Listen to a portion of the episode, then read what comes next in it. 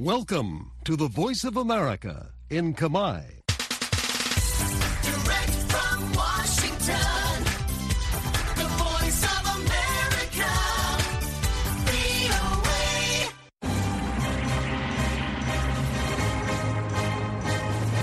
សួស្តីប្រិយមិត្តអ្នកស្ដាប់ជាទីមេត្រី នៅក្នុងកម្មវិធីផ្សាយតាមវិទ្យុរបស់ VOA នៅព្រឹកថ្ងៃពុធ ទី24ខែមករាឆ្នាំ2024នេះខ្ញុំជឹងពូជីននិងសហការីនៃក្រុមផ្សាយជាកាមេរ៉ាភាសាសូមស្វាគមន៍ប្រិយមិត្តពីរដ្ឋធានី Washington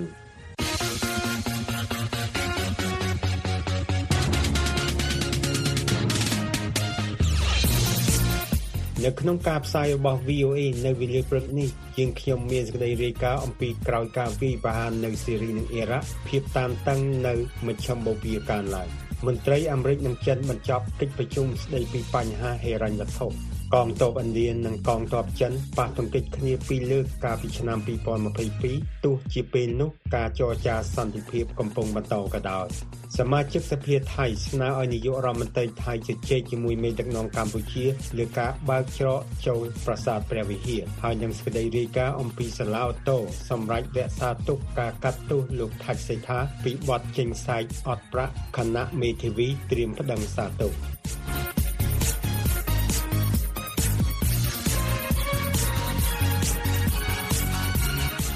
ជាមួយនឹងបញ្ហាសង្គ្រាមរវាងអ៊ីស្រាអែលនិងក្រុមហាម៉ាស់កំពុងតានតឹងនៅឡើយការវាយប្រហារក្នុងតំបន់មួយចំនួននិងសេចក្តីថ្លែងការណ៍ចម្រុងចម្រាសកាលពីចុងសប្តាហ៍កន្លងទៅនេះបានធ្វើឲ្យភាពតានតឹងដែលមានស្រាប់ទៅហើយកាន់តែតានតឹងឡើងថែមទៀតនៅក្នុងតំបន់មជ្ឈមបូព៌ាអ្នកយកព័ត៌មាន VOA អ្នកស្រី Veronica Baldera Iglesias រាយការណ៍អំពីរឿងនេះ លោកជីរវ៉ាន់រិទ្ធជួនសេចក្តីប្រាយសម្រួលដូចតទៅភាពតានតឹងក្នុងតំបន់មជ្ឈមបូព៌ាកំពុងកើនឡើងក្រោយការវាយប្រហារលើរដ្ឋធានីដាម៉ាស់ក្នុងប្រទេសសេរីដោយសម្លាប់មេបញ្ជាការឆ្មាំបដិវត្តអ៊ីរ៉ង់5នាក់កាលពីថ្ងៃសៅរ៍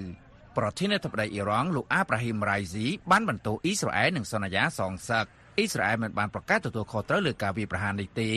និងបន្តផ្ដោតការវាយប្រហារលើគោលដៅក្រុមហាម៉ាស់ក្នុងតំបន់កាហ្សា នេះជាការវាយតបលើការវាយប្រហារភេរវកម្មរបស់ក្រុមហាម៉ាស់កាលពីខែតុលាដែលបានសម្លាប់មនុស្ស1200នាក់និងចាប់ចំណាប់ខ្មាំងប្រមាណ240នាក់ទៀតតាំងពីសង្គ្រាមអ៊ីស្រាអែលនិងក្រុមហាម៉ាស់ចាប់ផ្ដើមមកអាមេរិកដែលជាអ្នកគាំទ្រអ៊ីស្រាអែលដ៏រឹងមាំនោះបានឃើញវត្តមានយោធារបស់ខ្លួនក្នុងតំបន់មជ្ឈមបូព៌ារងការវាយប្រហារច្រើនដងកាលពីថ្ងៃសៅរ៍កន្លងទៅមូលដ្ឋានទ័ពអាកាសអាល់អាសាដរបស់ខ្លួននៅអ៊ីរ៉ាក់បានរងការវាយប្រហារ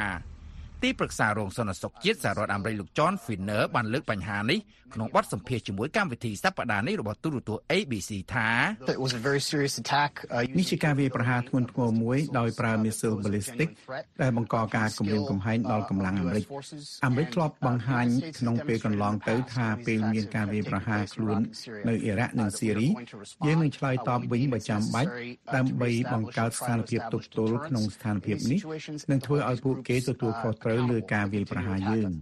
ជាមួយនឹងរបាយការណ៍របស់មន្ត្រីសុខាភិបាលកាហ្សាដែលថាមនុស្សជាង25,000នាក់បានស្លាប់ក្នុងសង្គ្រាមនេះអាមេរិកមិនបន្ធូរដៃឡើយក្នុងការដាក់សម្ពាធលើអ៊ីស្រាអែលឲ្យការពារជនស៊ីវិលនិងអនុញ្ញាតឲ្យមានការផ្តល់ជំនួយមនុស្សធម៌បន្ថែមទៀតលោក John Finner ថ្លែងបន្ថែមទៀតថា uh, they've announced in recent days that they're គេបានប្រកាសក្នុងពេលថ្មីៗនេះថានឹងអនុញ្ញាតឲ្យមានការបញ្ជូនម្សៅអាហារទៅកាន់កំពង់ផែអាស្ដាតរបស់អ៊ីស្រាអែលហើយបញ្ជូនបន្តទៅតំបន់ហ្គាហ្សានេះជាជំហានតូចតែសំខាន់វានៅមិនទាន់គ្រប់គ្រាន់នៅឡើយក្នុងគ្រាខ្វះស្បៀងអាហារក្រុមអ្នកស្ម័គ្រចិត្តបានចែកនំប៉័ងជូនពលរដ្ឋប៉ាឡេស៊ីនជាច្រើនអ្នកដែលគ្មានទីជម្រកក្នុងក្រុងរ៉ាហ្វាប៉ុន្តែអគ្គលេខាធិការអង្គការសហប្រជាជាតិ លោក Antonio Guterres បានប្រមាននៅក្នុងកិច្ចប្រជុំកំពូលលើកទី19នៃចលនាបញ្ចូលបកសម្ព័ន្ធកាលពីចុងសប្តាហ៍ក្នុងរដ្ឋធានីកំប៉ាឡាប្រទេសអ៊ូកណ្ដាថាស្ថានភាពនៅទីនោះមិនមានចីរភាពឡើយ People are dying not only from bombs and bullets. មនុស្សម្នាកំពុងស្លាប់មិនគ្រាន់តែដោយសារគ្រាប់ខ្លោងទេតែដោយសារការខ្វះស្បៀងនិងទឹកស្អាតផងដែរមន្ទីរពេទ្យគ្មានភ្លើងនិងថ្នាំហើយមនុស្សកំពុងរត់គេចពីសង្គ្រាមក្នុងទឹកដីដ៏តូចមួយ សង្គ្រាមត្រូវតែបញ្ចប់ទោះរងសម្ពាធក្នុងស្រុកពីសាច់ញាតិចំណាប់ខ្មាំងអ៊ីស្រាអែលឲ្យមានកិច្ចព្រមព្រៀងជាមួយក្រុមហាម៉ាស់ក្តីក៏នាយករដ្ឋមន្ត្រីអ៊ីស្រាអែលលោកប៊ិនចាមីនណេតានយ៉ាហ៊ូបានមហោសារលើបណ្ដាញសង្គមកាលពីថ្ងៃសៅរ៍ដោយរំលឹកឡើងវិញពីការសន្យាដំបូងដែលថាត្រូវកំទេចក្រុមហាម៉ាស់និងបានបញ្ជាក់ពីភាពចាំបាច់ក្នុងការគ្រប់គ្រងសន្តិសុខតំបន់ហ្គាហ្សាពេលបញ្ចប់សង្គ្រាមលោកថ្លែងដូចនេះថា រដ្ឋអ៊ីស្រាអែលត្រូវមានការគ្រប់គ្រងសន្តិសុខលើទឹកដីទាំងអស់នៅតំបន់ភាគខាងលិចទន្លេយូដានីនេះជាលក្ខខណ្ឌចាំបាច់មួយ ហើយបើវាមិនសមស្របនឹងគំនិតឲ្យមានទឹកដីប៉ាឡេស្ទីនមួយតើត្រូវធ្វើដូចម្តេចការថ្លែងរបស់លោកធ្វើឲ្យមានភាពមិនច្បាស់លើដំណោះស្រាយរដ្ឋពីរជាមួយប៉ាឡេស្ទីនដែលអាមេរិកនិងភាគីដទៃទៀតបានគាំទ្រជាយូរឆ្នាំមកហើយដែលជាដំណោះស្រាយអចិន្ត្រៃយ៍មួយក្នុងចំនួននេះពីរដ្ឋធានី Washington ខ្ញុំជ្រាវណ្ណរិទ្ធ VOA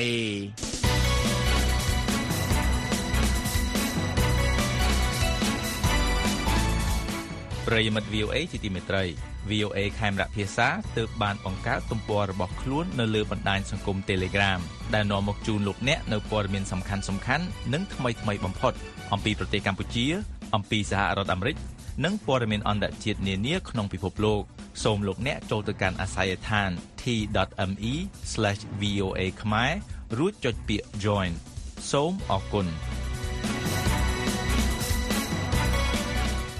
ក្រុមការងាររបស់សហរដ្ឋអាមេរិកនិងចិនបានបញ្ចប់ការចរចាអំពីបញ្ហាហិរញ្ញវត្ថុរវាងប្រទេសមហាអំណាចទាំងពីរដើម្បីកំណត់ទិសដៅការងារក្នុងពេលខាងមុខនិងជៀសវាងបញ្ហាតានតឹងនឹងគ្នា ទីភ្នាក់ងារព័ត៌មាន AP រាយការណ៍ពីរឿងនេះពីទីក្រុងបាងកកលោកសុកខេមរាជួនសេចក្តីប្រាយសម្រួលដោយតទៅក្រមមន្ត្រីអាមេរិកនិងចិនបានបញ្ចប់កិច្ចប្រជុំលើកទី3នៃក្រុមការងារដែលត្រូវបានបង្កើតឡើងដើម្បីសហការលើបញ្ហាហិរញ្ញវត្ថុក្នុងជំហានមួយដែលបន្តនិន្នាការដែលកំណត់ឡើងដោយមហាអំណាចទាំងពីរកាលពីខែវិច្ឆិកាឆ្នាំមុនដើម្បីបន្ធូរបន្ថយភាពតានតឹង។ ក្រុមមន្ត្រីមកពីក្រសួងហិរញ្ញវត្ថុសហរដ្ឋអាមេរិកបានជួបជាមួយសមាភិកីនៅក្នុងធនាគារប្រជាជនចិនដើម្បីពិភាក្សាអំពីបញ្ហាជាច្រើន ចាប់ពីស្ថិរភាពហិរញ្ញវត្ថុរហូតដល់ការប្រឆាំងការលាងលុយកខ្វក់គណៈប្រតិភូក៏បានជួបជាមួយឧបនាយករដ្ឋមន្ត្រីចិនគឺលោកហ៊ីលីហ្វេងគណៈពេលដែលពួកគេស្ថិតនៅក្នុងប្រទេសចិននេះបើយោងតាមសេចក្តីថ្លែងការណ៍របស់ក្រសួងហិរញ្ញវត្ថុកាលពី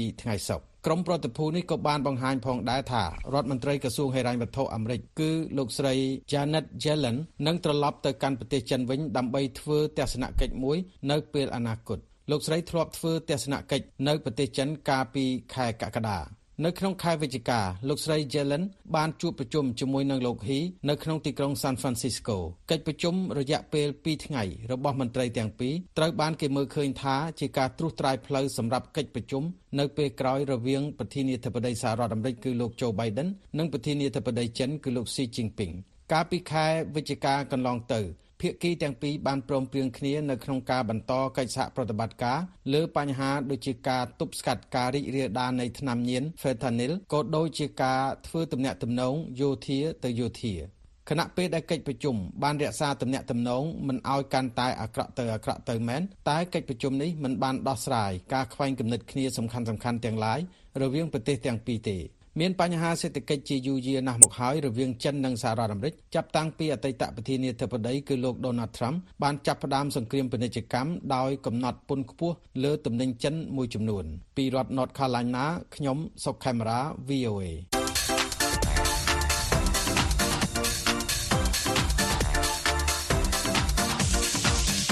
ប្រិមិត្ត VOA ជាទីមេត្រីតើលោកអ្នកចង់ដឹងពីប្រធានបទអ្វីខ្លះ VOA បានបង្កើតទំព័រប័ណ្ណសម្ភារដែលលោកអ្នកអាចស្ដាប់ការពិភាក្សានិងការបកស្រាយរបស់អ្នកជំនាញលើប្រធានបទផ្សេងៗដូចជាកសិកម្មសេដ្ឋកិច្ចការអប់រំប្រវត្តិសាស្ត្របរិស្ថានសិល្បៈវប្បធម៌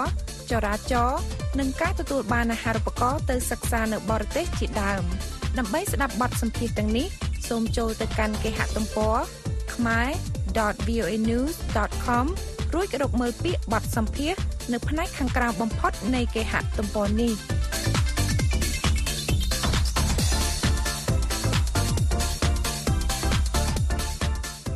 ទាហានឥណ្ឌានិងចិនបានប៉ះទង្គិចគ្នាតិចណាស់ពីរដងក្នុងឆ្នាំ2022នៅតាមព្រំដែនរបស់ពួកគេក្នុងតំបន់ភ្នំហាម៉ាឡាយ៉ាដែលនៅទីនោះពួកគេស្ថិតក្នុងភាពមិនឈ្នះមិនចាញ់តាំងពីឆ្នាំ2020មក នេះបើតាមសេចក្តីលម្អិតថ្មីថ្មីដែលត្រូវបានលើកយកមកចែងនៅក្នុងការផ្ដល់រង្វាន់ដោយកងទ័ពឥណ្ឌាលោកឈឹមសមេតជួនសេចក្តីប្រាយសម្រួលរបាយការណ៍របស់ទីភ្នាក់ងារព័ត៌មាន Reuters ដូចតទៅឧបតហេតុទាំងនេះមានការវាយប្រយុទ្ធគ្នាដោយប្រើដៃ ហើយបានកើតមានឡើងនៅពេលដែលរដ្ឋាភិបាលក្រុងនូដេលីនិងក្រុងប៉េកាំងបានធ្វើកិច្ចចរចាខាងការទូតនិងខាងយោធាមួយចំនួនដើម្បីដោះស្រាយចំនួនយោធាអាក្រក់បំផុតរបស់ពួកគេ ក្នុងពេលច្រើនទសវត្សរ៍មកហើយគ្មានរបាយការណ៍អំពីមនុស្សស្លាប់នៅក្នុងឧបទ្ទហេតុទាំងនេះទេមានទាហានឥណ្ឌាយ៉ាងតិចណាស់20នាក់និងទាហានចិន4នាក់ត្រូវបានសម្លាប់នៅក្នុងការប៉ះទង្គិចគ្នាក្នុងតំបន់នោះ កាលពី2ឆ្នាំមុន គឺនៅពាក់កណ្ដាលឆ្នាំ2020ការប៉ះទង្គិចគ្នាទាំងនេះកើតឡើងនៅក្នុងតំបន់ឡាដាក់នៃប្រទេសឥណ្ឌាដែលជាការប៉ះទង្គិចគ្នាចុងក្រោយបង្អស់គេបានដឹងនៅពេលនោះថាបានកើតមានឡើងក្នុងខែវិច្ឆិកា2022បង្ហាញថា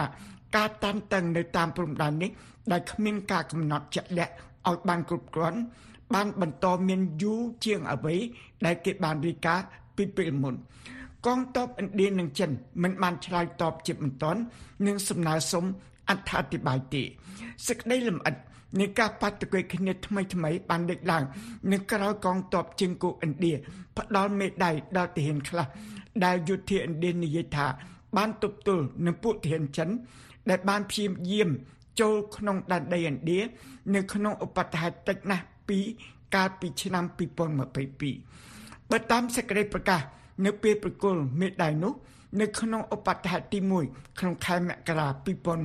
2022ទាហានមួយចំនួននៃកងទ័ពរំដោះរបស់ប្រជាជនចិន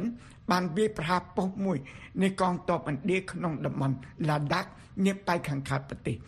សេចក្តីប្រកាសនេះបានចែងថានៅក្នុងការវាយប្រយុទ្ធគ្នាដោយប្រើដៃនោះទាហានឥណ្ឌាម្នាក់បានធ្វើឲ្យរបួសទាហានចិនយ៉ាងតិច4នាក់ ហើយកញ្ឆក់បានកំភ្លើងវែងពួកគេ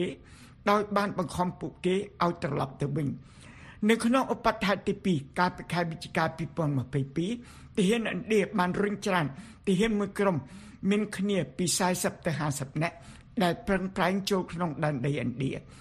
ការប្រកាសមួយទៀតបាននិយាយថា អង្គភាពមួយនៃទាហានឥណ្ឌាបានវាយប្រហារនឹងធ្វើឲ្យទាហានចិនរបួសដូច្នេះធ្វើឲ្យខកខានផែនការរបស់ស្ត្រូវក្នុងការវាយយកប៉ុស្តិ៍នោះសេចក្តីប្រកាសផ្ដល់មេដាយទាំងនេះក៏បានថ្លែងដែរថាកងអង្គភាពនៃកងទ័ពប្រទេសទាំងពីរបានពាក់ព័ន្ធនឹងភាពមិនឆ្នះមិនចាញ់ពីរថ្ងៃ នៅក្នុងតំបន់មួយ ដែលមិនបានត្រូវចែងជាក់លាក់ កាលពីឆ្នាំ2022ការពិភាក្សាខាងយោធានិងខាងការទូតរវាងប្រទេសទាំងពីរដែលមានអាវុធនុយក្លេអ៊ែរដើម្បីដោះស្រាយភាពមិនឆ្នះមិនចាញ់នេះដែលបានចាប់ផ្ដើមធ្វើការពីពាក់កណ្ដាលឆ្នាំ2022មិនបានធ្វើឲ្យមានដំណោះស្រាយចុងក្រោយនៅឡើយទេចំនួនព្រំដែនរវាងឥណ្ឌានិងចិន មានតាំងពីទសវត្សរ៍ឆ្នាំ1950ហើយភាគីទាំងពីរបានប្រយុទ្ធគ្នា ក្នុងសង្គ្រាមខ្លីមួយ តែមានការបង្ហូរឈាមច្រើនកាលពីឆ្នាំ1962នៅក្នុងព្រឹត្តិការណ៍មួយដាច់ដោយឡែកទីភ្នាក់ងារសារព័ត៌មាន Reuters បានរាយការណ៍ថាឥណ្ឌា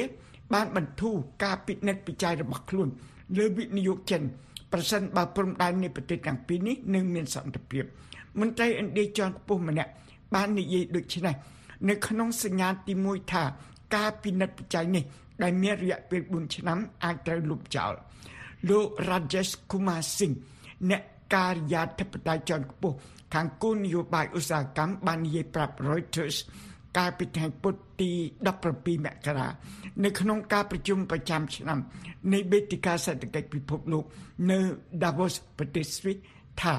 ការតាន់តឹងខាងព្រំដែនដែលនាំឲ្យទំនាក់ទំនងរវាងប្រទេសអាស៊ីទាំងពីរដែលមានអាវុធនុយក្លេអ៊ែរ រអាក់រអួលនោះ បានធូរស្រាលដែលអាចនាំឲ្យមានការកែលម្អដល់ចំណងតាក់ទងគ្នាខាងការបណ្ដាក់ទុនកាលពីឆ្នាំ2020ឥណ្ឌាបានបន្តឹងការពិនិត្យពិច័យលើវិនិយោគរបស់ក្រុមហ៊ុន មានមូលដ្ឋានក្នុងប្រទេសជិតខាង មានព្រំដែនជាប់ជាមួយខ្លួន ដោយបន្ថែមការត្រួតពិនិត្យខាងសន្តិសុខចំណាត់ការនេះត្រូវបានចាត់ទុកថាជាការសងសឹក អំពីការបាតុកិច្ចគ្នារវាងប្រទេសចិននិងឥណ្ឌានៅតាមព្រំដែនមានចំនួនរបស់ពួកគេ ដែលមានប្រវែង3800គីឡូម៉ែត្រក្នុងតំបន់ហ៊ីម៉ាឡាយ៉ាដែលបានសម្លាប់ទាហានឥណ្ឌាយ៉ាងតិច20នាក់និងទាហានចិន4នាក់ដែលជាចំនួនខាងយោធាអាក្រក់បំផុតរបស់ពួកគេ ក្នុងពេលច្រើនទសវត្សរ៍មកហើយការបន្តឹងទាំងនេះ បានបង្អាក់វិនិយោគមានទឹកប្រាក់រាប់ពាន់លានដុល្លាររវាងប្រទេសទាំងពីរនេះ ដែលមានប្រជារាស្ត្រច្រើនជាងគេ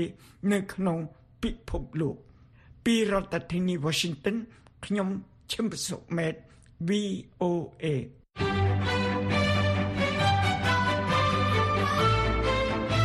ប្រិយមិត្តជាទីមេត្រីឥឡូវនេះកម្មវិធី Hello VOA ស្ដីពីសុខភាពដែលតែងតែចាក់ផ្សាយនៅរៀងរាល់ថ្ងៃប្រហ័សសប្តាហ៍ទី3នៃខែនីមួយៗក៏មានជាវីដេអូផងដែរលោកអ្នកនាងអាចទស្សនាកម្មវិធី Hello VOA ស្ដីពីសុខភាពនេះបានដោយចូលទៅកាន់គេហទំព័ររបស់យើងខ្ញុំ ដែលមានអាសយដ្ឋាន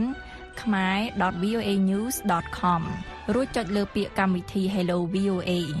នោះលោកអ្នកនឹងចូលទៅដល់ទំព័រមួយទៀតដែលមានកម្មវិធី Hello VOA សុខភាពហើយលោកអ្នកនាងអាចទស្សនាវីដេអូមួយណាក៏បាន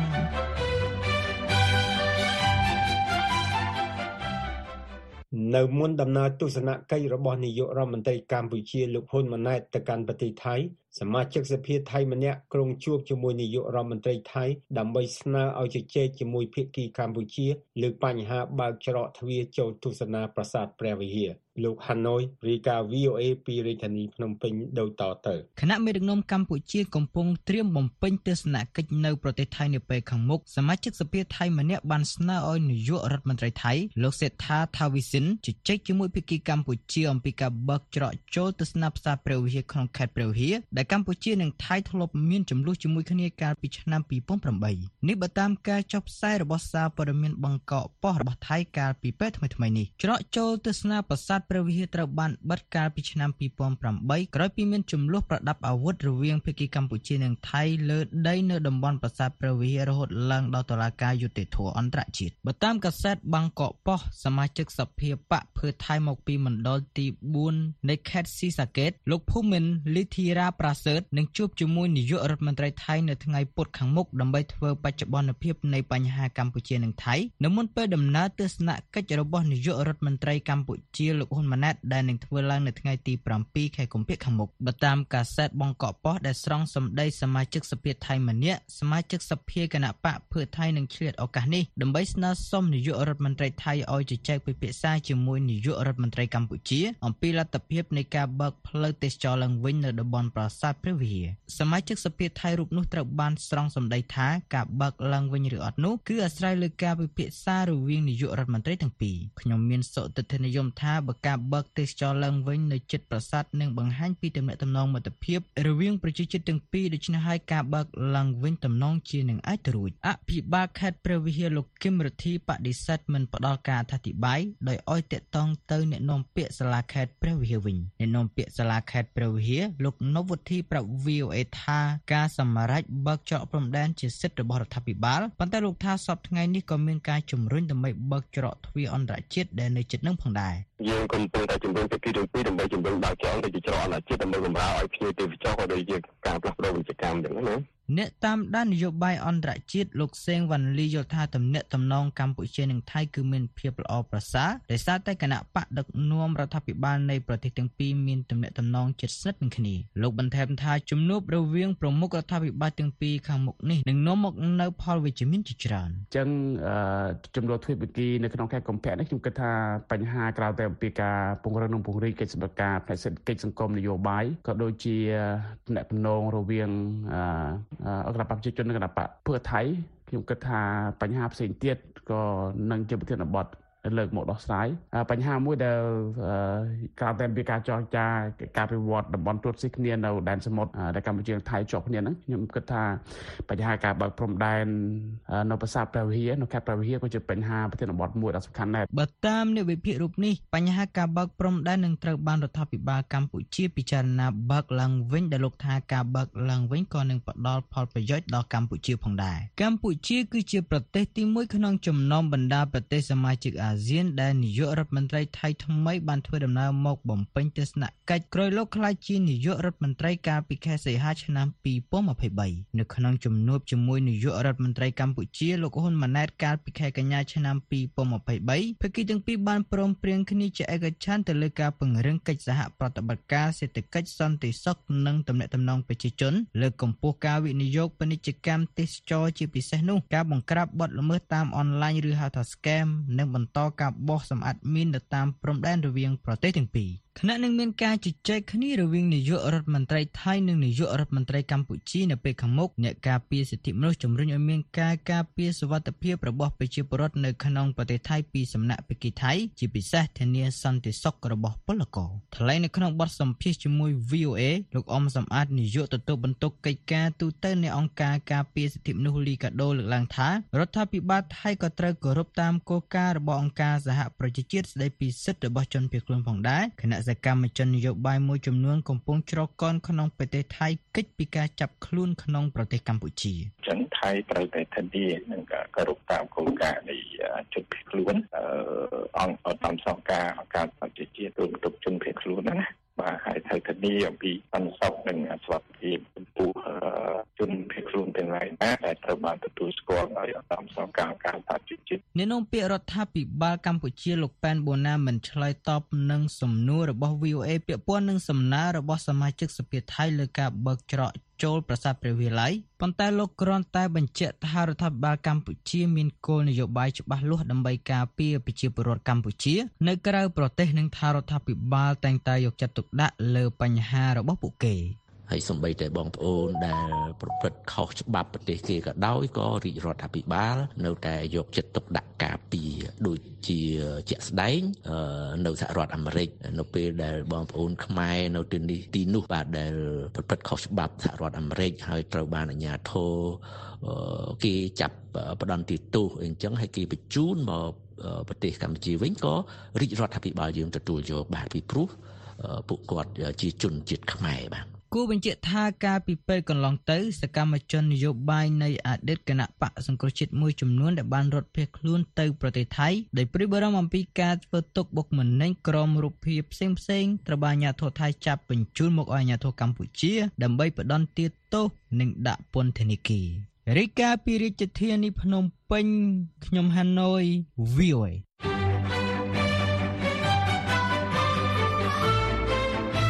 ប្រិមិត្តជាទីមេត្រីឥឡូវនេះកម្មវិធី Hello VOA ស្ដីពីសុខភាព ដែលតែងតែចាក់ផ្សាយនៅរៀងរាល់រាត្រីថ្ងៃប្រហ័សសប្តាហ៍ទី3នៃខែនីមួយៗក៏មានជាវីដេអូផងដែរ អស់លោកអ្នកនាងអាចទស្សនាកម្មវិធី Hello VOA ស្ដីពីសុខភាពនេះបានដោយចូលទៅកាន់គេហទំព័ររបស់យើងដែលមានអាស័យដ្ឋាន khmer.voanews.com ឬចុចលើកម្មវិធី Hello VOA នោះលោកអ្នកនាងនឹងចូលទៅដល់ទំព័រមួយទៀតដែលមានកម្មវិធី Hello VOA សុខភាពហើយលោកអ្នកនាងអាចទស្សនាវីដេអូមួយណាក៏បាន តុលាការសាឡាវតូភ្នំពេញ បានចាត់ទុកការកាត់ទោសអតីតសមាជិកប្រសិទ្ធិលោកថាច់សេដ្ឋាពីបទចេញផ្សាយអត់ប្រាក់ឲ្យនៅជាបានការដដែលហើយបានឃុំខ្លួនអ្នកនយោបាយជំទាស់រូបនេះនៅក្នុងពន្ធនាគារ មន្ត្រីសិទ្ធិមនុស្សលើកឡើងថាមានមតិរិះគន់ជាច្រើនយល់ថារឿងក្តីលោកថាច់សេដ្ឋាជារឿងនយោបាយដែលអ្នកដឹកនាំឈាមថ្មីរបស់គណៈបកកណ្ដាលអំណាចគួរដោះស្រាយតាមផ្លូវច្បាប់ដើម្បីលុបបំបាត់វិបត្តិនយោបាយដែលបន្តកើតមាននៅក្នុងប្រទេសលោកហុលរស្មីរីកាឲ្យ VOA ពីរាជធានីភ្នំពេញដូចតទៅសាលាឧទ្ធរភ្នំពេញកាលពីថ្ងៃច័ន្ទបានសម្រេចតម្កល់សាលក្រមកាត់ទោសអនុប្រធានគណៈបកភ្លើងទៀនលោកថៃសេថា ក្នុងសំណុំរឿងចេញសែកគ្មានសាច់ប្រាក់ដែលនាំឲ្យអ្នកនយោបាយជំទាស់រូបនេះបន្តគ្មានសេរីភាពនិងស្ថិតក្រោមការឃុំខ្លួនក្នុងពន្ធនាគារនេះបតាមេធាវីការពីក្តីលោកថៃសេដ្ឋានិងអង្គការការពារសិទ្ធិមនុស្សលោកសេដ្ឋាត្រូវបានតុលាការចាប់ខ្លួនកាលពីខែមករាឆ្នាំ2023តាមបណ្ដឹងមួយដែលបានចោទលោកថាបានចេញមូលបទានបត្រចំនួន5សន្លឹកដែលគ្មានទឹកប្រាក់កាលពីឆ្នាំ2019 ដើម្បីសងប្រាក់ទៅកាន់ហាងបញ្ចាំរិនឆាយរិនឆាយផនឆបនៅក្នុងសេចក្តីប្រកាសរបស់អង្គការសិទ្ធិមនុស្សលីកាដូដែលតាមដានករណីនេះចុះថ្ងៃទី22ខែមករាឆ្នាំ2024តុលាការសាលាឧទ្ធរបានសម្រេចបង្កល់សាលក្រមរបស់សាលាដំបូងរាជធានីភ្នំពេញដែលបានកាត់ទោសលោកថៃសិដ្ឋាឲ្យជាប់ពន្ធនាគារ18ខែក្រោយការប្រកាសសាលក្រមនៅសាលាឧទ្ធររាជធានីភ្នំពេញកាលពីថ្ងៃច័ន្ទ លោកសេដ្ឋាត្រូវបានតុលាការបង្គាប់ឲ្យកងកម្លាំងបញ្ជូនខ្លួនទៅកាន់ពន្ធនាគារភ្លាមភ្លាមសហមេធាវីការពីក្តីឲ្យលោកថៃសេដ្ឋាគឺលោកសឿនជំជួនប្រាប់ VOA ថាការកាត់សេចក្តីរបស់សាលាឧទ្ធរមិនបានផ្ដល់យុត្តិធម៌ដល់កូនក្តីទេដូច្នេះកូនក្តីនិងមេធាវីនឹងមានការពិភាក្សាអំពីការប្តឹងសារទុកទៅតុលាការកំពូលដើម្បីជំទាស់នឹងសាលក្រមរបស់សាលាដំបង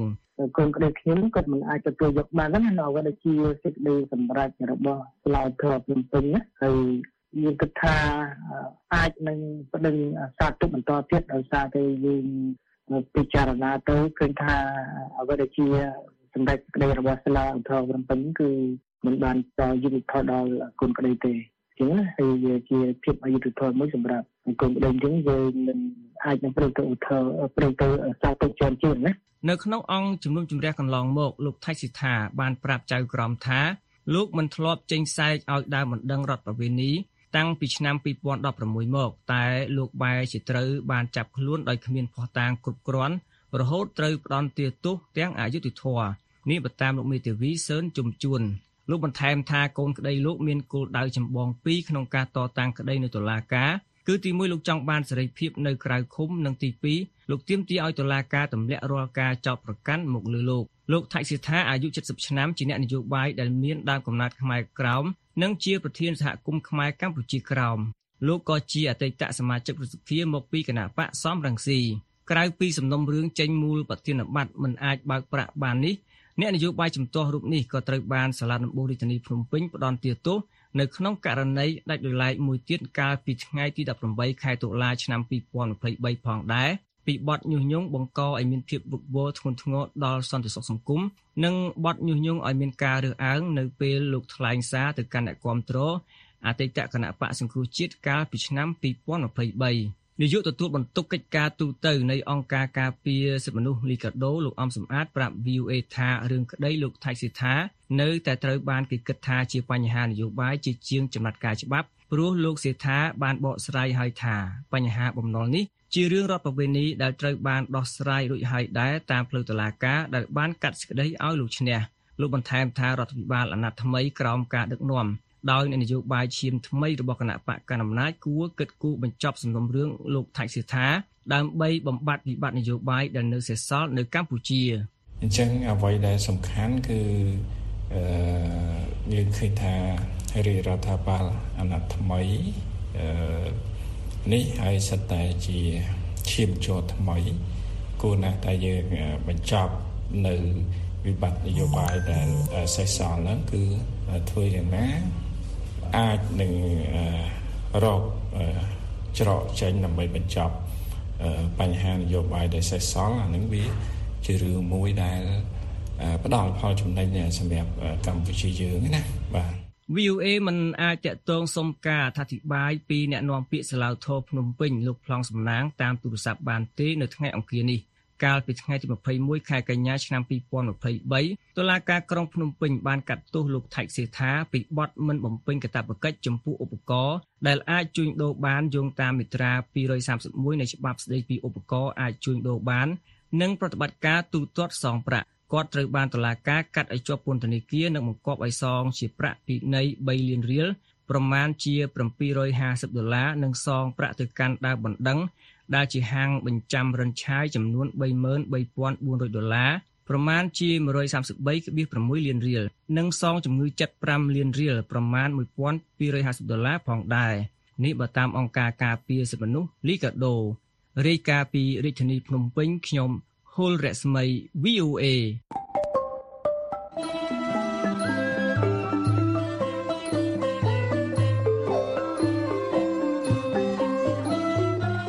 កម្មវិធីផ្សាយរបស់ VOA នៅព្រឹកនេះចប់តែត្រឹមនេះ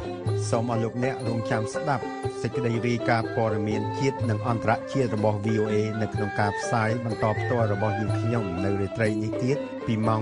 8:30នាទីដល់ម៉ោង9:30នាទី តាមរលកវិទ្យុ 25m ត្រូវនឹងកម្រិត11695និង1575 kHz ឬតាមប្រព័ន្ធអ៊ីនធឺណិតដែលមានអាសយដ្ឋានខ្មែរ .voenews.com សូមអរលោកអ្នកបានប្រកបដោយសេចក្តីសុខនិងសុភមង្គលគ្រប់ប្រការអារុនសួស្តី